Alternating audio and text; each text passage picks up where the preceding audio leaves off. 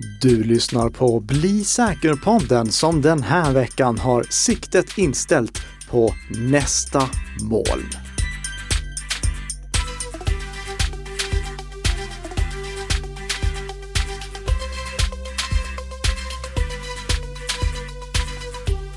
God morgon, god morgon Tess. Men god morgon, god morgon Nicka.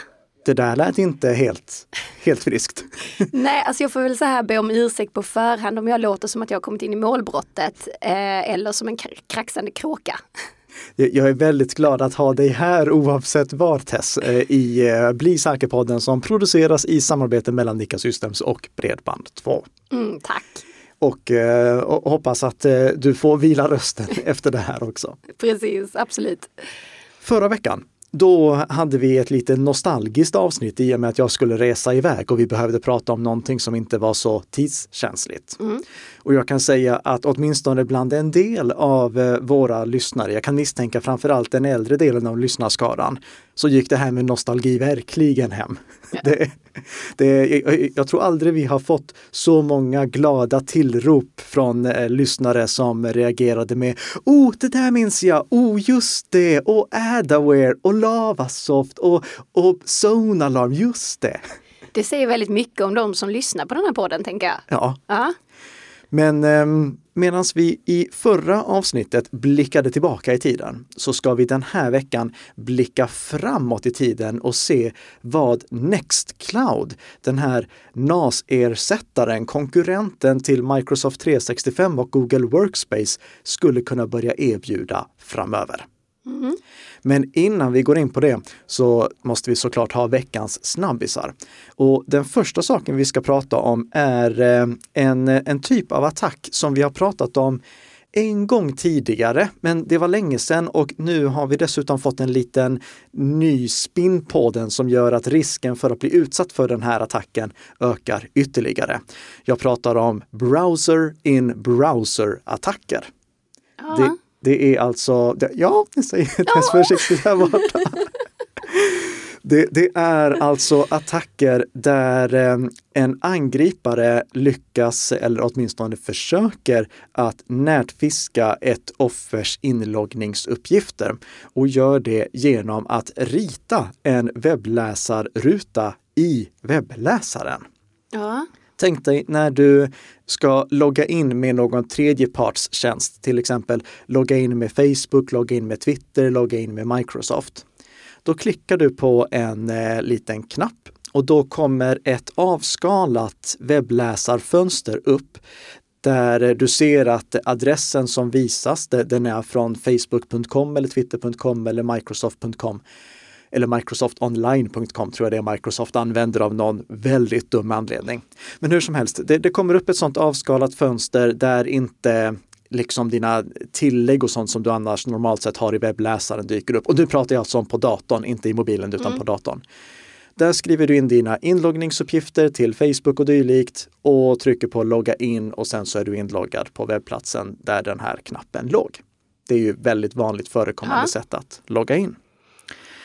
Det som eh, jag vet inte hur det ska uttalas, men Mordox kanske upptäckte. Mm. Eh, det är att eh, han på ett väldigt elegant sätt kunde använda en kombination av de traditionella webbläsarspråken, HTML plus CSS och JavaScript, kunde göra en liten dialogruta, rita upp en dialogruta som ser ut som en webbläsarruta men som i själva verket bara är eh, liksom någonting som är ritat ovanpå den befintliga webbplatsen. Ah. Så tanken med det här, det var att en användare går till en bedräglig webbplats, klickar på logga in med Facebook och då ritar själva webbsidan upp ett fönster som ser ut att vara ett webbläsarfönster, men som egentligen bara är grafik som liknar ett webbläsarfönster. Ritar upp ett hänglås i ett adressfält, ritar upp den rätta adressen, alltså facebook.com. Mm. Men i själva verket är allting bara någonting som ligger på den befintliga webbplatsen. Så det blir väldigt svårt att avslöja helt enkelt? Nästintill omöjligt ja. att avslöja för att det här ser identiskt ut. Oj. Användaren kan inte se skillnad på om det är ett webbläsarfönster som kommer från webbläsaren eller ifall det är ett ritat webbläsarfönster från webbsidan som visas. Mm. Dessutom, anledningen till att vi lyfter det här igen, det är att eh, Mordox har på GitHub publicerat mallar som exemplifierar det här. Så där kan eh, den som vill leka lite med det här i gott syfte såklart och det poängterar han också att det här är bara för gott syfte Eh, kan ladda ner de här exemplen. Det finns för både Chrome på Windows, Chrome på MacOS, Chrome på Windows eh, med eh, ljust läge, med mörkt läge, ljust läge på MacOS, mörkt läge på MacOS. Mm. Så att det går att anpassa utifrån vad det är användaren har för Eh, webbläsare. För det, det är ju någonting som syns. När, när du Tess går till en webbplats, då berättar du för webbplatsen vilket operativsystem du kör och vilken webbläsare du kör. Ja. Så det här skulle alltså webbsidan kunna läsa in dynamiskt så att det ser ut som ett Chrome-fönster om du använder Chrome, så att det ser ut som ett Firefox-fönster om du använder Firefox och då är det extremt svårt att avslöja. Så vi får ta till det knepet som vi tipsade om förra gången. Jag minns inte när vi pratade om Nej, det. Vi har ju pratat om ja. det här alltså. I, I något av de tidigare 160 avsnitten. Det är att på datorn ta tag i fönstret som dyker upp om det, inte är, om det är ett helt nytt fönster med allting från webbläsaren, dina tillägg och liknande, eh, då är det ju din webbläsare som visas. Men om det är det här avskalade webbläsarfönstret som visas, ta tag i det och prova dra det utanför liksom webbplatsens fönster. Mm. Så om du kommer till en webbplats, det dyker upp ett sånt här inloggningsfönster, dra inloggningsfönstret utanför webbplatsen. För om du lyckas med det, då är det ju ett fönster från webbläsaren i sig själv. Det webbsidan som visas kan aldrig rita någonting utanför webbsidan som visas. Så på det sättet kan du avslöja. Men då måste du göra det varenda gång du hamnar ja, i en sån här situation. Eh, på mobilen, då har vi inte den här typen av dialogruta, så där behöver vi inte oroa oss för det på samma sätt, även om det skulle gå att göra någonting liknande till mobilen. Så eh, jag tror det bästa som går att göra, det är att minimera risken att hamna i den här situationen. Och det är då först och främst att eh, inte använda inloggningstjänster. när det går att undvika att använda inloggningstjänster, undvik att göra det. Och vi har ju sagt att det är bra att använda inloggningstjänster i företagssammanhang för single sign-on och liknande. Men då gör du ju det bara på webbplatser som företaget på något sätt har rekommenderat dig att gå till. Du, du signar inte upp dig på en ny webbplats med företagskontot om det inte är någonting som företaget har instruerat dig att göra. Mm. Så du, och, och, du hamnar ju inte på en sån här bedräglig webbplats utan att du har blivit påverkad dit på något vis. Jag inser att det finns risker där också, men det Undvik åtminstone att använda inloggningstjänster om det inte är din företagsinloggningstjänst. Just det. det är, ehm, att använda logga in med Facebook eller logga in med Twitter. Det är självfallet bra för att slippa komma ihåg lösenord. Men då är det bättre att bara ha en lösenordshanterare mm. så slipper du integritetsproblemet och du slipper driftsäkerhetsproblemet. Sen måste vi såklart också minimera konsekvenserna av att drabbas av en sån här attack. Alltså vad kan vi göra för att om jag skulle råka fylla i mina inloggningsuppgifter i en sån här påhittad bedräglig eh, inloggningsruta och råka skicka inloggningsuppgifterna till bedragare. Och det är såklart att använda tvåfaktorsautentisering. Se till att ha tvåfaktorsautentisering påslaget på alla konton där du, eh, alla konton överlag egentligen, men framför allt konton där eh, du har någon sån här inloggningstjänst, där du använder kontot eh, som en inloggningstjänst, till exempel Facebook. Mm. För om du har tvåfaktorsautentisering påslaget, då måste angriparna åtminstone göra en sån här eh, attack i realtid. Det, och om det krävs både rätt lösenord och en tidsbegränsad engångskod, då måste de sitta och attackera dig i realtid för att lyckas med det. Mm. Och om du har gjort det absolut bästa, alltså att använda en sån här eh, säkerhetsnyckel, eh, en YubiKey till exempel, och loggar in med eh, WebAuthn eller Fido2 som vi också kallar det.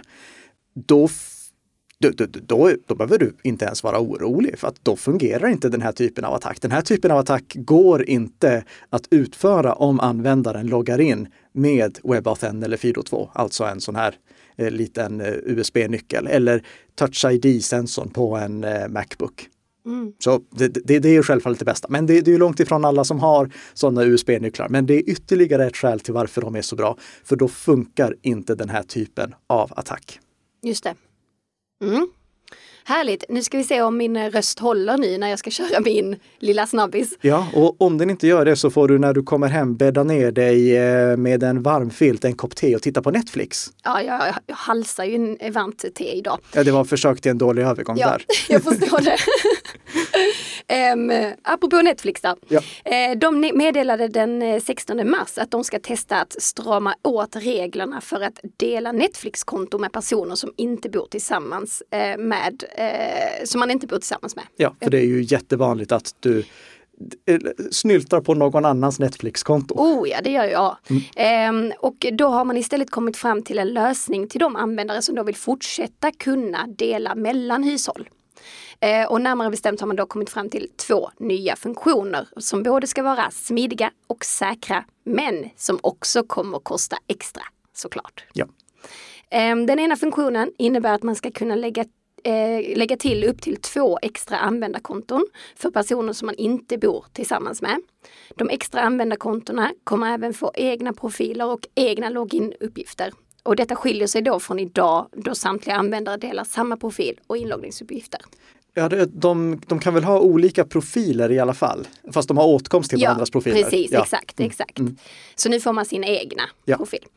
Och, och det, ehm. det, bästa av allt här, du får dina egna inloggningsuppgifter. Ja. Och, och, så skulle jag ju egentligen vilja att det var för alla Netflix-användare oavsett om man bor ihop eller inte. Verkligen. Mm. Eh, och den här andra funktionen då fungerar som ett slags överföringsverktyg som gör att man kan flytta en befintlig användare som bor i ett annat hushåll till ett nytt konto och samtidigt låta då den här användaren behålla sina spellistor, historik och personliga rekommendationer som man redan har. Mm. Och de här funktionerna kommer börja rullas ut och testas i Chile, Costa Rica och Peru under kommande veckor.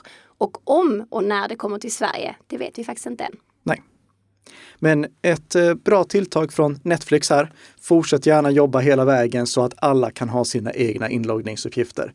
För mm. det, det, är ju, nu, nu, kommer det här vara en chock för dig Tess, men jag har hört att det finns familjer som inte använder Bitwarden för att dela lösenord mellan varandra. Va? Ja. Har aldrig hört på maken. Nej, det verkar jättekonstigt 2022. Men så är det tydligen. Ja. ja.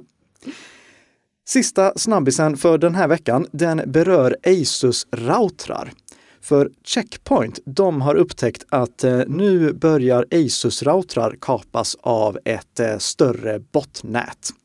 Ett botnät som sen kan användas för att eh, de som administrerar botnätet kan till exempel utföra överbelastningsattacker med hjälp av de kapade Asus-routrarna eller spionera på vad de som sitter uppkopplade via de drabbade Asus-routrarna gör på nätet. Det, det, går inte för den som har eh, fått sin Asus-router kapad, eller den som har fått sin Asus-router kapad behöver inte vara orolig för att Asus-routern kan bryta upp eh, några krypterade anslutningar. Det kan den inte göra. Men eh, den kapade Asus-routern skulle kunna se vilka webbplatser som användaren ansluter till och i värsta fall styra om användaren till bedrägliga webbplatser. Mm. Men den kan inte, bara för att routern har blivit infekterad så eh, försvinner inte skyddet av att du har krypterade anslutningar i webbläsaren. Så länge du kollar att det finns ett hänglås där. Det här med att en infekterad router skulle kunna användas för någon typ av spionage, det är också någonting som Checkpoint lyfter fram specifikt i sin artikel. För det är ju extra relevant nu när så många jobbar hemifrån mm. och jobbar på distans. Vi vet inte allt än så länge kring eh, hur den här infektionen går till, alltså vad det är som gör att eh, routrarna kan bli infekterade. Men Asus har släppt uppdateringar för flera av sina routrar, inklusive den routern som Checkpoint använde använder för att undersöka och hitta den här sårbarheten. De eh, säkerhetsuppdateringarna finns som nya firmware-versioner som kan installeras via webbgränssnittet i Asus-routrarna för de flesta drabbade Asus-routrar, men inte alla. Jag eh, kollade igenom listan och eh, min demorouter som är en Asus RTAC 68U från 2013, den fick faktiskt en säkerhetsuppdatering för att åtgärda det här. Medans en annan eh, populär Asus-router, RTAC 87U från 2014, den fick inte det. Så det, det, kan vara värt att eh, för alla som har Asus routrar att eh, kontrollera om det finns en ny säkerhetsuppdatering. Och det gäller ju alla routerägare egentligen. Alla routerägare som inte får sin router underhållen automatiskt. Antingen för att de har ställt in automatiska uppdateringar eller för att eh, deras internetoperatör uppdaterar åt dem. Mm. Då behöver de, i, i det första fallet behöver de bara hålla koll på att routern faktiskt får uppdateringar överhuvudtaget. Ja. Men det har vi pratat om så många gånger tidigare så jag tänkte inte ta det en gång till. Jag tänkte däremot lyfta en intressant sak som eh, Asus skriver och som gör att om jag tolkar det rätt så är det här lite mindre allvarligt än eh, vad, det, är, än vad vi har gett sken av än så länge. Mm. De skriver så här, citat på engelska. Please note that if you choose not to install this firmware version, paus, jag, vet inte varför någon skulle låta bli att göra det. Men om du skulle låta bli att göra det. Fortsatt citat. Then, to avoid any potential unwanted intrusion, we strongly recommend that you disable remote access from internet and reset your router to its default settings. Slutcitat. Och jag bytte ut WAN, Wide Area Network, mot internet där i citatet. Det får man nog inte göra när man citerar. Nej. Nej men nu korrigerade jag det. Hur, hur som helst, det, det, som jag tyckte var intressant här, det är att de nämner ju fjärradministration specifikt. Fjärradministration är avslaget som standard på alla de här routrarna.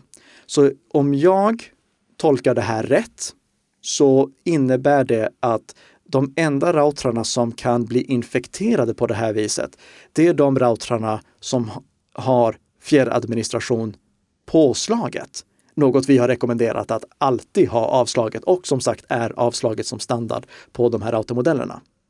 Så om det är på det viset, vilket vi hoppas, då är alltså de flesta Asus routerägare ändå ganska trygga mot den här attacken. Eftersom den i så fall bara kan attackera routern från någonting som redan är inne i nätverket. Mm. Inte någonting som ansluter på distans över internet. Okej, okay. då Tess, ja. då tycker jag att eh, du lutar dig tillbaka så ska jag berätta för dig om nästa moln, oh. Nextcloud. Wow! Ja, för Nextcloud det är någonting som eh, vi har nämnt i förbifarten flera gånger tidigare. Och jag känner att nu måste vi ge en ordentlig introduktion till vad Nextcloud är, för vi kommer säkerligen att nämna det fler gånger framöver. Nextcloud, det är någonting som är intressant för både privatpersoner och företag. För det är någonting som för privatpersoner kan ersätta en, eh, en NAS, och det är någonting som för företagare kan ersätta Microsoft 365 eller Google Workspace. Anledningen till att privatpersoner skulle vilja ersätta en NAS, det är ju för att eh, vi har bara under de senaste avsnitten flera gånger pratat om attacker mot eh, QNAP-NASar och Asus Store-NASar. Där eh, det har funnits sårbarheter som har gjort att de här nasarna har gått att infektera. Inte minst ifall eh, den som administrerat nasen varit sen med att installera säkerhetsuppdateringarna.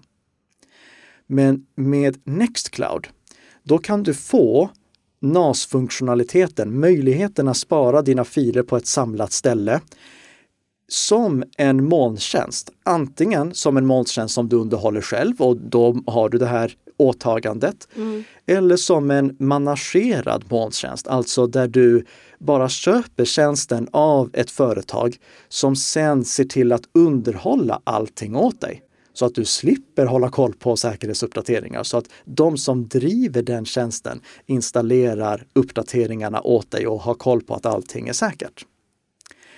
Och för företag så är det intressant eftersom nu i november då presenterade ESAM, en samverkan av flera myndigheter, bland annat Skatteverket, en, ehm, en publikation som heter Digital samarbetsplattform för offentlig sektor som var resultatet efter att de hade letat efter alternativ till Microsoft Teams. Eh, de ville ju ha någonting som till skillnad från Microsoft Teams inte skickade personuppgifter till USA. Mm, mm. Där var Nextcloud ett av de två presenterade helhetsalternativlösningarna.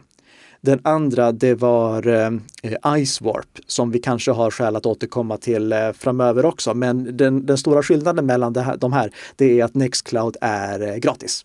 Det kostar ah, ingenting. Okay. Det, du måste, om du väljer att bygga en egen NAS med Nextcloud, då måste du betala för hårddiskarna. Om du eh, köper lagringen i en molntjänst, då måste du betala för lagringen också. Men själva, och, och, och om du köper managerat så måste du betala för den tjänsten också. Men eh, själva Nextcloud i sig, det är ett öppen källkodsprojekt som har en stor skara utvecklare runt sig, en stor skara utvecklare som bygger vidare på, som funktionsberikar och som inte kostar någonting med en liten asterisk som jag kommer till alldeles strax. Nextcloud kan på så sätt användas för att du eh, ska synka alla dina filer. Du vill kanske ha molnlagring för dina filer och då kan du sätta upp en Nextcloud-instans eller köpa en Nextcloud-instans och sen kan du synka alla dina filer dit från dina datorer, Windows, eh, Mac OS eller Linux. Det som gör det här extra intressant enligt mig, det är att då kan du till och med köra Nextcloud på en subdomän till din egen domän. Så om du är en privatperson som har en egen domän eller ett företag som har en egen domän, då kan du låta Nextcloud ligga på en subdomän. Så jag kan till exempel ha nextcloud.nickasystems.com för vår företags Nextcloud. Mm. Och det gör att om sen jag eller Marcus skulle dela filer därifrån, då kommer de fildelningslänkarna att leda till vår egen domän istället för till nickasystems.sharepoint.någonting. Ah, okay. Och vi har ju sagt många gånger tidigare att alla organisationer bör samla allting under en och samma domän så att den som ser en länk kan verifiera att den faktiskt går till den rätta webbplatsen. Mm. Så det, det, det, är en liten bonusfunktion där. Sen kan du självfallet eh, synka din kalender dit, du kan synka dina kontakter dit, du kan eh, synka dina uppgifter dit så att du har dem med dem i mobiltelefonen och på datorn. Det finns en tredjepartsutvecklare som har byggt en, eh, ett alternativ till Trello, du vet sådana här mm. tavlor. Ja. Planeringsverktyg. Liksom. Precis, mm. en simpel sådan ersättare. Det finns eh, en RSS-läsare från en tredjepartsutvecklare också. Du vet så man kan läsa RSS-nyheter. Mm. Och om man inte vill läsa Bli säker-bloggen via nickasystems.com, då kan man prenumerera på den i sin RSS-läsare. Ja. Du kan eh, synka dina bilder dit. Så ifall du tar en bild med mobilen så kan bilden automatiskt synkas dit upp. Det finns samarbetsverktyg för att samtidigt kunna redigera Office-filer. Det finns till och med två sådana. Dels en som heter Collabora och Collabora det är en webbanpassad version av eh, LibreOffice. Du vet alternativet till Microsoft Office som vi ofta har nämnt. Och eh, även en konkurrerande lösning som heter OnlyOffice.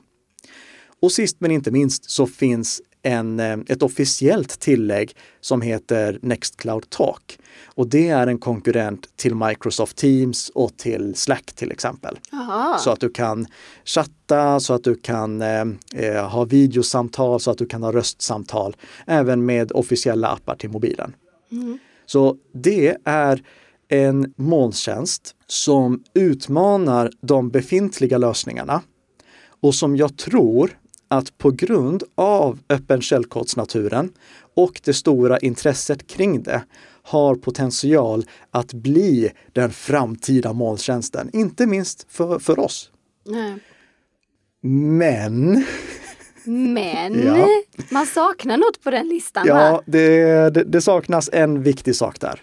Uh. Och det är e-posten. Mm. För kollar vi på konkurrerande lösningar som till exempel Microsoft 365 och Google Workspace, då har du ju din e-post där i också. Ja. Och även om e-posten är det vi borde använda minst, så är det kanske det vi använder mest. Verkligen. Så tyvärr saknas e-postdelen. Nextcloud kan för användaren fungera som en, eh, en eh, mail-app så att du kan lägga till ett befintligt e-postkonto och få det i samma grafiska gränssnitt. Mhm. Men eh, det ingår liksom ingen e-postserver i allting, Nej. vilket är lite synd. Sen finns det också några begränsningar som man måste känna till, vilket var anledningen att jag sa den här lilla asterisken efter gratis. Och det är att om Nextcloud Talk ska fungera bra med kanske liksom 5, 10, 20 stycken samtidiga videodeltagare i en konversation, då krävs det lite mer för att sätta upp det. Det krävs ett Nextcloud Talk backend. Och det måste du troligtvis köpa av någon eh, tredjepartsaktör. Ja, okej. Samma sak med Office-lösningarna. För det som ingår i Nextcloud, det är community-versioner av eh, Collabora-servern och OnlyOffice-servern. Där användare får testa de senaste experimentella funktionerna. Det är inte en, en stabil företagslösning. Det är inte en, en Office-lösning som jag hade kunnat rekommendera till de som eh, behöver det för företagskritiskt eh, användande eller för privatpersoner som skriver någonting eh, väldigt omfattande, väldigt viktigt, skriver en ny bok till exempel. Uh. Då kanske man inte ska använda experimentella funktioner. Nej, det är sant. Så då måste även en sån eh, Nextcloud eh, Collabora-server eller Nextcloud Only Office-server köpas till. Sen så har Nextcloud också börjat utveckla någonting som jag tycker verkar jättelovande. Och det är stöd för end-to-end kryptering av filerna som laddas upp. Det är ju någonting som inte ens eh, eh, Microsoft 365 eller Google Workspace erbjuder. Men de håller på att utveckla det nu. Tyvärr ligger de långt efter planen som de presenterade ursprungligen. Och det end-to-end krypterade tillägget som de erbjuder idag, det har inte goda recensioner om vi säger så. Så de, de har en bra bit på väg dit. Jag, jag använder ju idag Tresorit som är en sån här end-to-end krypterad molnlagringstjänst som är stabil. Eh, det kan vi inte säga om Nextcloud än. Men det är lite det som jag är ute efter, för jag tror att allt det här pekar på att Nextcloud precis som, som namnet antyder, även om det var säkert inte det de ville. Det är nästa cloud. Det är någonting som vi rör oss mot. Det ser väldigt, väldigt lovande ut. Ja. De som vill testa det här redan nu, de kan antingen sätta upp sin egen Nextcloud-miljö hemma eller ifall de vill ha en extremt prisvärd managerad Nextcloud-lösning så kan de kolla på tyska Hetzner. De har webbplats på engelska också. För där går det att få Nextcloud som tjänst, en sån här managerad Nextcloud-tjänst, för väldigt lågt pris. Jag ska se här, en terabyte, det kostar 3,90 euro i månaden. 5 terabyte 12,90 euro i månaden och 10 terabyte eh, 24,90 i månaden. Ja, okej. Eh, Så eh, lågt pris, euro alltihop. Ja. Den är idag nästan så att jag skulle kunna rekommendera den. Jag, jag, drog mig länge från att eh, ens nämna Hetzner för att de hade ingen ordentlig backup-funktion. Och backup är väldigt viktigt, att du, du har dina filer och allting på flera ställen. Jag eh, för, privatpersoner så kan det nog faktiskt vara redo nu för att nu, bara för någon vecka sedan, då lanserade de åtminstone det som kallas snapshots så att du kan backa tillbaka till tidigare versioner av din Nextcloud-instans. Som administratör kan du backa tillbaka till tidigare versioner. Du kan fortfarande inte ladda ner hela din Nextcloud-instans och ha en lokal kopia på det. Men de, de rör sig i rätt riktning där. Det, det, det är väl det gemensamma för allt det som vi har sagt här. Att det, det rör Det är på sig, gång liksom. Ja, Ja. och det verkar synnerligen lovande. Inte minst om de får rätt på den här end-to-end krypteringen. För då har du både någonting som kan lagra data i EU hos någon du litar på och du kan end-to-end kryptera eh, filerna, för det är filerna det handlar om, inte resten. Så, och, med resten syftar jag på kalender och eh, kontakter till mm. exempel då kan du end-to-end kryptera den lagringen så att inte ens de som driver tjänsten kan komma åt den om du överlåter driften till någon annan. Mm. Så håll ögonen öppna för Nextcloud. Vi lägger med länkar till den officiella Nextcloud webbplatsen. Vi lägger med en länk till Hetzner också om ni vill kolla på deras erbjudande. Jag testade den själv nu för någon månad sedan. Det var väldigt lätt att komma igång med. Och eh, vi lägger också en länk till en hemlig sida som vi inte vet vad som kommer komma på. Och det är ju riskabelt att länka till hemliga sidor. Men just nu så finns det en sida hos Nextcloud där de räknar ner dagarna till lanseringen av någonting. Vad vet vi inte.